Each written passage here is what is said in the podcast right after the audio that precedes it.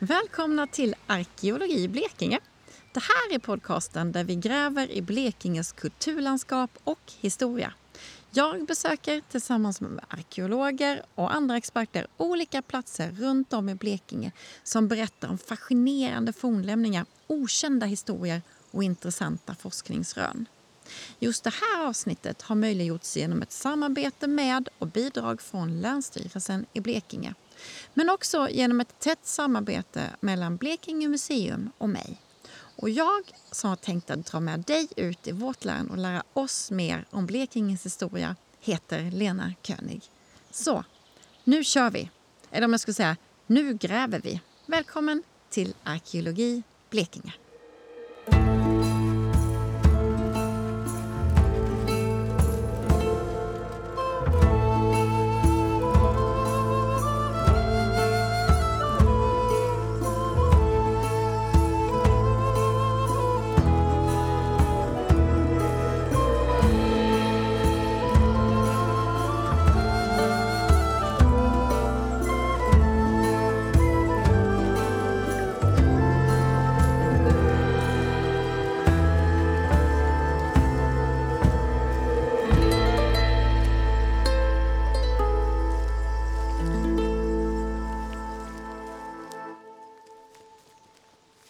I det här avsnittet lämnar vi naturen och beger oss in i ett ekande vapenhus i Sölvesborgs kyrka.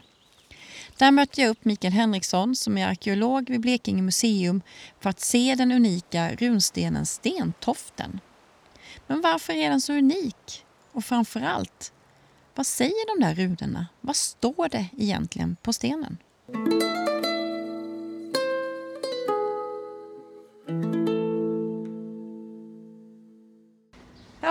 Hej Mikael. Hej, Här är hej. vi. Här Ja. är vi. Ska vi gå in i helheten? Ja, nu är vi alltså vid Sölvesborgs kyrka och går in i Vapenhuset vapenhuset. Heter det. Ja, just det, var här man hängde av sig. eller något. Eller något, ja. Och så är det någon som övar inför söndagens gudstjänst. Mhm. Det här, det här är en ganska märklig fornlämningsmiljö om man ska kalla det för det egentligen. Mm. Eh, Jag menar, och det är en bra utgångspunkt. En av flera bra utgångspunkter om man vill diskutera Blekinges järnålder. Och det kanske man inte tänker när man står i ett vapenhus. Så här. Nej, det känns inte riktigt som att kyrkan och eh, järnåldern, eller så. Nej, Nej. men här är ett konkret exempel då som eh, drar in oss i det hela. Så att det vi har runt omkring oss är ju Jesu liv i bilder. Eh, kalkmålningar i vapenhuset. Och sen så står det då en stor sten här som är den så kallade Stentoftenstenen, en runsten från 600-talet. Och jag känner ju direkt, varför står det en runsten här? Ja, ehm, det kan man ju fråga sig. Det är ju inte sällsynt att runstenar hamnar vid kyrkor. Ofta är de inmurade i kyrkor, liksom en del i det. Och, och de senare runstenarna, de som är från 1000-talet och så, de har ju haft en, en koppling till kyrkoplatser ibland redan från början. Men det här är ju ett betydligt äldre exempel på runsten. Det här är ju den, det äldre runalfabetet och en väldigt lång inskription. Eh, och den har ju ingenting med kristenheten eller, eller just det tidig medeltiden att göra alls. Eh, Och den kom ju hit på 1860-talet in Så från sent, ja. Mm. landsbygden, närheten av Sölvesborg. Eh, Och först tror jag den får sin placering utanför kyrkan och så småningom så hamnar den här inne i vapenhuset. Och tanken med det, ja, det, det kan man säkert läsa sig till någonstans. Det här är ju en sten som har omtolkats flera gånger i inskriptionen. Och eh, man tänker på den senaste väldigt eh, genomarbetade tolkningen så, så eh, blir innehållet ganska hedniskt och kultiskt och då passar den egentligen väldigt dåligt i den här kyrkliga miljön. Men, men ja, det är en spännande kontrast. Men den har ju ställts hit av 1860-tal, eller? Ja, den hamnar här då, står väl utanför kyrkan då, men sen Mm. Okej. så plockas den in här vill jag minnas. Men varför, eh, varför plockar man hit den överhuvudtaget? Var stod den innan? Den hittades ju när man, skulle, man höll på och byggde gästgårdar ute på, eh, vid Sölve. Och då bryter man upp sten som man behöver till de här gärdsgårdarna och ute på ett sankt område eh, som kallas för Stentoften så, så fanns den här då. Och, eh, sen uppmärksammas väl det då så småningom så att det här har kanske då brutits upp och, och, och så redan tidigt 1800-tal och sen på 1860-talet så är man väl fornintresserad och tycker att, att den kanske skräpade där ute och, och, bättre skulle vara här. Mm. Men som sagt, det kan man säkert läsa sig till hur det argumenteras för eller emot och så. Alltså när jag ser på den så tycker jag den ser inte ut riktigt som en det känns som att de brukar skriva så här runt. Ja, så. Nej, men precis. Den följer inte alls det mönstret som är 900-talet och 1000-talet med sådana här drakslingor och sånt. Utan här är det liksom ett budskap som, som liksom ganska statiskt eh, präntas in. Mm. Um, så att det är en helt annan tradition. De, de tidiga runstenarna är ju kopplade till betydligt mer dunkelt järnåldersförflutet. Um, mycket magi och mycket just um, hemlighetsfulla innehåll. Mm. Men när du säger tidig, när är den? Då är vi på 600-talet så vi är ju... Hur vet man det? Alltså språkmässigt kan man ju följa det inte minst. Aha, ja. Eh, så att där, där ser man ju utvecklingen har sett ut och så. Och mm. det finns ju föremål med tidiga runor som, som eh, har hittats arkeologiskt. Eh, mm. Enkla föremål, spjutspetsar eller smycken eller så. så att utvecklingen från Kristi födelse och framåt så, så ser man ju en språklig förändring här när, när man får ett skrift, skriftspråk här uppe. Som, eh, så att här, 600-talet, finns ett antal runstenar då i Blekinge, vilket gör det extra anmärkningsvärt. Mm. Och det är också någonting som uppmärksammats i flera hundra år egentligen. Så som fornlämningar i Blekinge så är det något av det som uppmärksammas tidigast egentligen. Jag tänkte vi skulle komma till det sen. Ja. Men du pratar om betydelsen i den. Mm, eh, precis. Vad står det här? Här är ju egentligen två olika innehåll. Dels finns det en eh, textmassa som knyter det till en förbannelseformel helt enkelt. Om man rör den så ska man drabbas helt enkelt av diverse saker. Och det gör den till en, en närmast exakt parallell till Björketorps runstenen i mellersta Blekinge, alltså öster om Ronneby. Ah. Och sen så finns det då ett, ett annat budskap på den här som, som är knutet till de övriga listerunstenarna här. Och som jag sa så har det tolkats om och tolkats om 1800-talet och 1900-talet. Så den senaste översättningen som är, är mycket trovärdig publicerades 1989 i Fornvännen. Mm. Och den kommer från Lillemor Svantesson. Och då, då eh, är det ju på språkliga grunder och exakta hur man, hur man liksom runornas kombination och allt sånt. Jag kan ju inte alls sånt egentligen. Nej. Men, men då, då läser man om det hela så att vissa ord får en helt annan innebörd. Så från att man från början kanske tolkade som att det här var ett, ett statement från nybyggare som har dykt upp här och tagit för sig och, och skapat en maktbas så, så blir det här ordet för ny blir en, en delvis omtolkning till ordet nio. Det har man varit inne på tidigare, vissa språkforskare, men, men här slås det verkligen fast. Eh, och hennes tolkning blir ju då att med nio bockar, med nio hingstar, gav Hårdulv gott år. Och Hårdulv är då ett personnamn och det går att förknippa med andra runstenar på Listerlandet. Och niotalet är ju, är ju starkt heligt eh, under förkristen tid och när man kopplar det då till nio bockar och nio hingstar så, så är det en, en, en tydlig tolkning att, att det har att göra med offerritualer, alltså blot eh, under mm. järnåldern. Så att det, är en, det är en helt ny aspekt på den här stenen. Mm. Eh, så på något sätt så knyter det ihop också mycket av utvecklingen av Blekinge eller vad vi ska kalla det, under den här tiden, under järnåldern. Jag menar, vi har förbannelsekopplingen till Björketorpsstenen. Vi har det här namnet Hårdulv, eller hur det nu ska uttalas, som då finns kopplat på eh, Istabyrunstenen ute på Listerlandet till exempel. Eh, så att den eh, knyter ihop släktband, maktanspråk, men också den här rituella, religiösa kopplingen till världsalltet. Så det är mycket, mycket spännande sten. Jättehäftigt.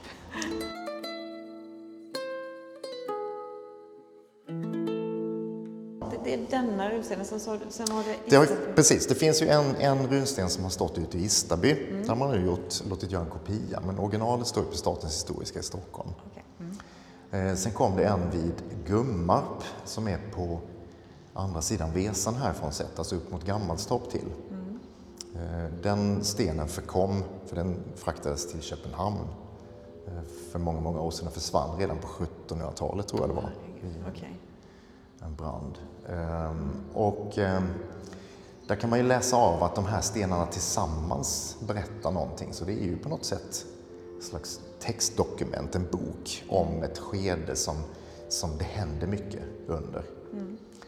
Så att det är lite grann hur man, hur man väljer att tolka annan arkeologi, andra platsnamn, ortnamn ute på Listerlandet och, och läsa in vad de här faktiskt säger oss. Mm.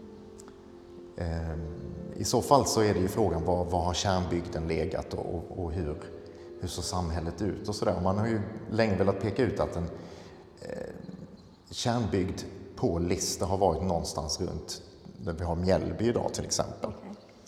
Eh, och, och eh, där i närheten finns ju då både Håsaby och Hörby mm. som tolkas ha en, en, koppling till både då eh, världslig och andlig makt på något sätt eh, med, med, eh, med då eh, den här runstenen i Istaby då som kanske en yttre, yttre gräns söderut. Och då blir Stentoften och Gummarp en yttre gräns åt det här hållet på något sätt. Så Sen är frågan hur Björketorpsstenen passar in allt där. För Björketorpsstenen står ju då i mellersta Blekinge och är samtida men knuten till en maktsfär då kopplad till Johannishusåsen. Och bara några kilometer norrut har vi Vångboplatsen då. Så att det, det händer nog mycket under den här perioden som vi ser brottstycken av genom runstenarna. Men finns det någon tolkning på att de hör ihop eller att det har varit någon man, ja, alltså det, det, det, är ju, det är ju rimligen är de ju samtida och det är klart att man kan se till exempel Björketorpsstenen som ett på något sätt maktanspråk från en sfär här nere. Att man på något sätt manifesterat sig där borta. Mm. Men det vet vi förstås väldigt lite om. Vi får ju säga att vi fortfarande vet ganska lite om Blekinges järnålder. Vi vet mycket punktvis, men, men helheten är ju svår. Men förr när man har tolkat och tittat på så, en sån här sten till exempel, då har man varit väldigt fokuserad på stenen i sig eller, men, ja. eller har man hur den liksom är kopplad i någon slags kontext i, Ja, och, och det är klart att ute vid Stentoften, det här är väldigt nära det som är Sölve. Mm. Idag är det ett industriområde för de allra flesta som man bara blåser igenom. Men det är ju Sölve by var ju förmodligen en betydande bybildning under järnåldern. Mm, mm. Där finns ju järnåldersgravar kvar synliga i början av 1800-talet fortfarande. Ehm, och där den här då ska ha stått så är det ner mot våtområdet som förbinder Vesan med Sölvesborgsviken. Så när man blåser förbi på dagens E22 så, så passerar man rätt nära det området. Mm. Och det, det känns logiskt på många sätt eftersom vi arkeologer ofta kan se att offermiljöer och de här rituella miljöerna är knutna till våtmarker och på något sätt övergångar mot eh, mellan olika element, alltså det blöta och det torra och sånt. Att det händer något där som man manifesterar sig ofta på de här platserna rituellt. Mm. Ja, du nämnde något om Nio, nio bockar och nio hingstar. Ja, nio hingstar. precis. Så att vad man skulle kunna hitta där, det är, det är sånt man fantiserar kring nästan bara ju. Mm. Och då är det ju så märkvärdigt att, att för ungefär tio år sedan så gjorde Blekinge museum en, en utredning för expansionen av det här mm. eh, industriområdet ute vid Sölve. Och då kom det ju faktiskt hästben. Nej, vad häftigt! Det kom ju hästben och eh, eh, osteologen Ola Magnell eh, var på plats och kunde liksom ner i det blöta känna att ja, men här ligger fler ben och de ligger anatomiskt förmodligen rätt. Så det är inte bara något ben som har flutit omkring utan det, det kan mycket väl vara så att det ligger en hel häst i det här fallet. Oh, Gud. Vad, skulle det, vad skulle det betyda? Ja, men alltså, sen dateras ju den med kol-14-metoden och då hamnar den i slutet av vikingatiden. Så den är ju inte samtida med stentoftenstenen så, men, men den kan ju mycket väl falla in i en tradition kopplat till de här offerritualerna och den här betydelsefulla platsen. Mm. Så det där är ju en, en ordentlig cliffhanger. Vad händer när man fortsätter gräva där? För det här är ju då, dels är det ju en passage från Skånelandskapet eh, upp till det blekingska landskapet. Alltså här passerar ju verkligen den huvudvägen som har funnits förbi Stentoften och Sölve. Och sen är det också en passage mellan Vesan och havet, alltså just så att det är ju en knutpunkt. Ehm, och det är klart att vi vet både lite och mycket om det rituella livet under, under järnåldern. Framförallt vet vi mycket när vi har från alltså, de isländska sagorna och Eddan och sådär och, och man har grävt olika eh, offermiljöer. Men om det är så att vi har en kontinuitet här, vilket hade varit en dröm, att kunna se att redan på 600-talet finns en plats som fortsätter användas ända fram i vikingatid, då är det ju något helt fantastiskt. Ja, det är jättespännande. Ja.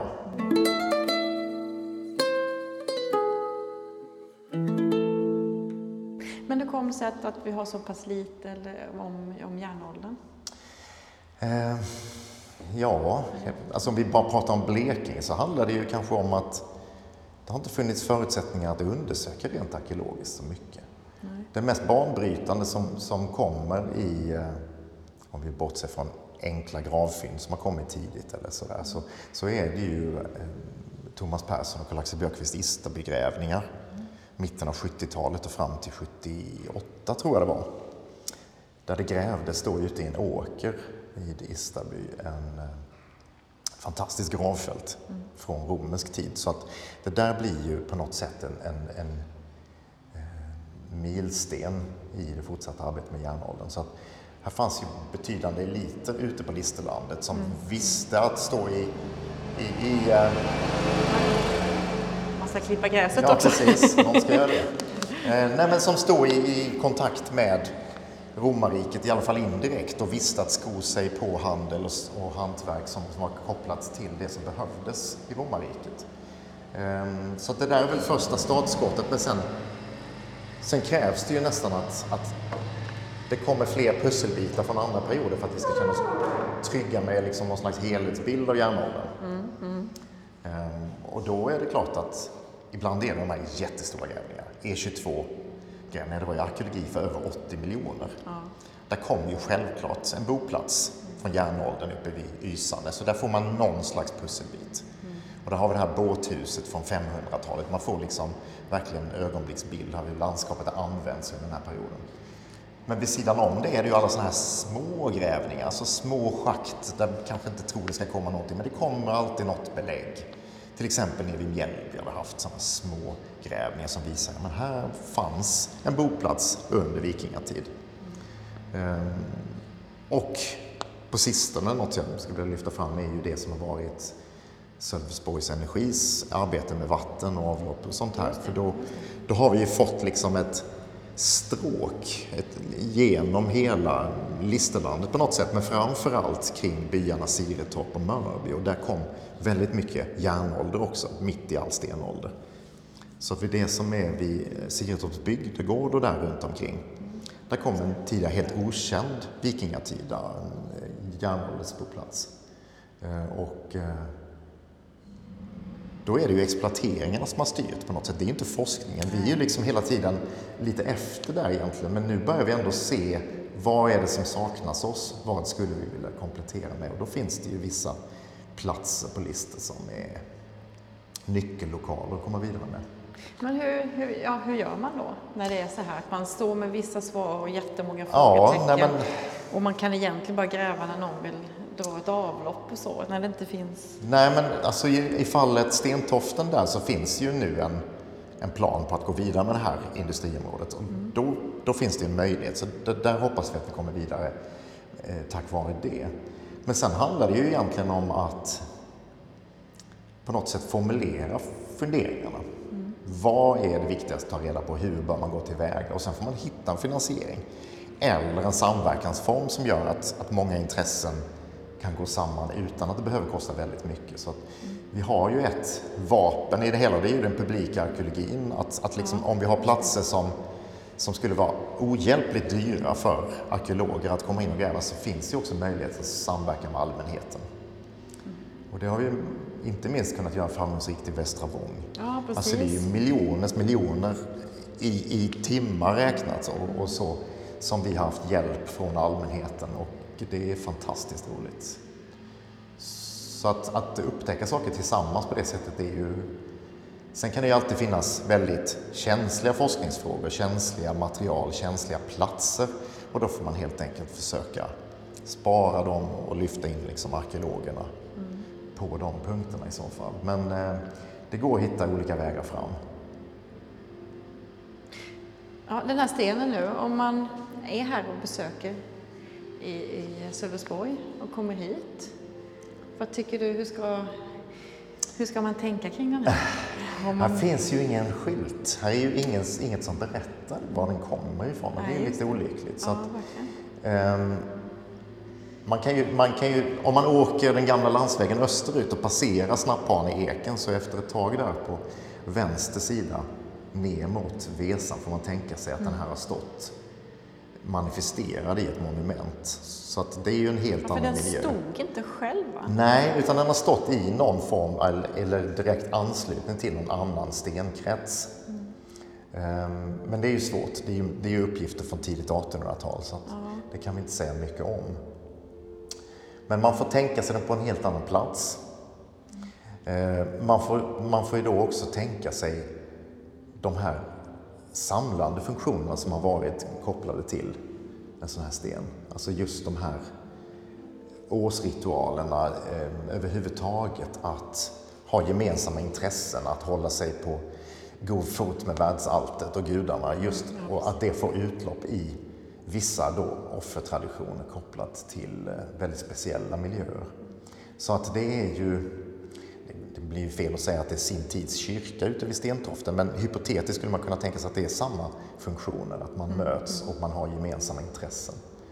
Och det är väl lite samma sak som vi ser när vi, när vi tolkar Västra Vång till exempel och ser att det är en plats som under mer än tusen år har varit betydelsefull. Ja. Eh, som den här stenen nu, och så, finns det något liknande någon annanstans? I, i landet eller så? Nej, jag skulle säga att den är helt unik. Och jag menar, för Blekinges del så står ju den här tillsammans med Björketorpsstenen ut som de mäktigaste mm. vi har. Och bara som, som kommentar till det kan jag säga att, att en replik, fullskalig replik på den här var med i en utställning som Danska nationalmuseet gjorde nere i Tyskland kring förkristen kult. Så att så pass monumental är den, där den står här lite undangömd. Så, så att den är viktig, den är väldigt viktig. Så att det är både ett, som ett tidigt textdokument den är viktig, men det är också innehållet i det här fallet. Att där, eh, där är vi lyckligt lottade att den här finns, att man ändå tog tillvara på den, ja, inte bara la den i en, i en, i en gästgård eller en husgrund någonstans och sen glömde bort den. Ja, det kan ju ligga några sådana ja. lite överallt kanske. Ja, vad vet man. ja, spännande. Ja, och på något sätt det är ju det är som allt annat med arkeologin, det är bara början. Mm. Så, här finns mycket kvar att upptäcka. Men de där hästskeletten och det, ja. vad eh, tror vi om det? Alltså som det är nu, det stämmer ju inte in på så sätt att det är en hingst, utan det är ju ett sto. Nej, för det var det jag tänkte. Ja, precis. Jo, jo, jo. Ja. ja. Och det, men det är ju fullvuxet och sådär, så att det är ju ehm, eh, likvärdigt med storleken och typen av häst som tidig medeltid ja, eh, skulle vara. Det kanske var så att kvinnor och eh, det, det könet kanske blev mer betydelsefullt senare? Jag utesluter ingenting. Så. Men, eh, det blir ju oerhört, alltså, att klarlägga hur de omständigheterna är, för det har ju bara varit som ett titthål den gången när man får upp de benen. Ja. Men förutsättningarna att det har klarat sig ben där är väldigt, väldigt bra. Och sen får man ju se då, för där kommer ju annat organiskt material i så fall också. Mm. När kommer det bli? Alltså det blir en grävning? Ja, förhoppningen är att det är sensommar. Sensommar. 2021. Då får vi komplettera det till det här dokumentet ja. sen. Vad som ja, vi håller tummarna. Ja. Att det finns något att leverera därifrån.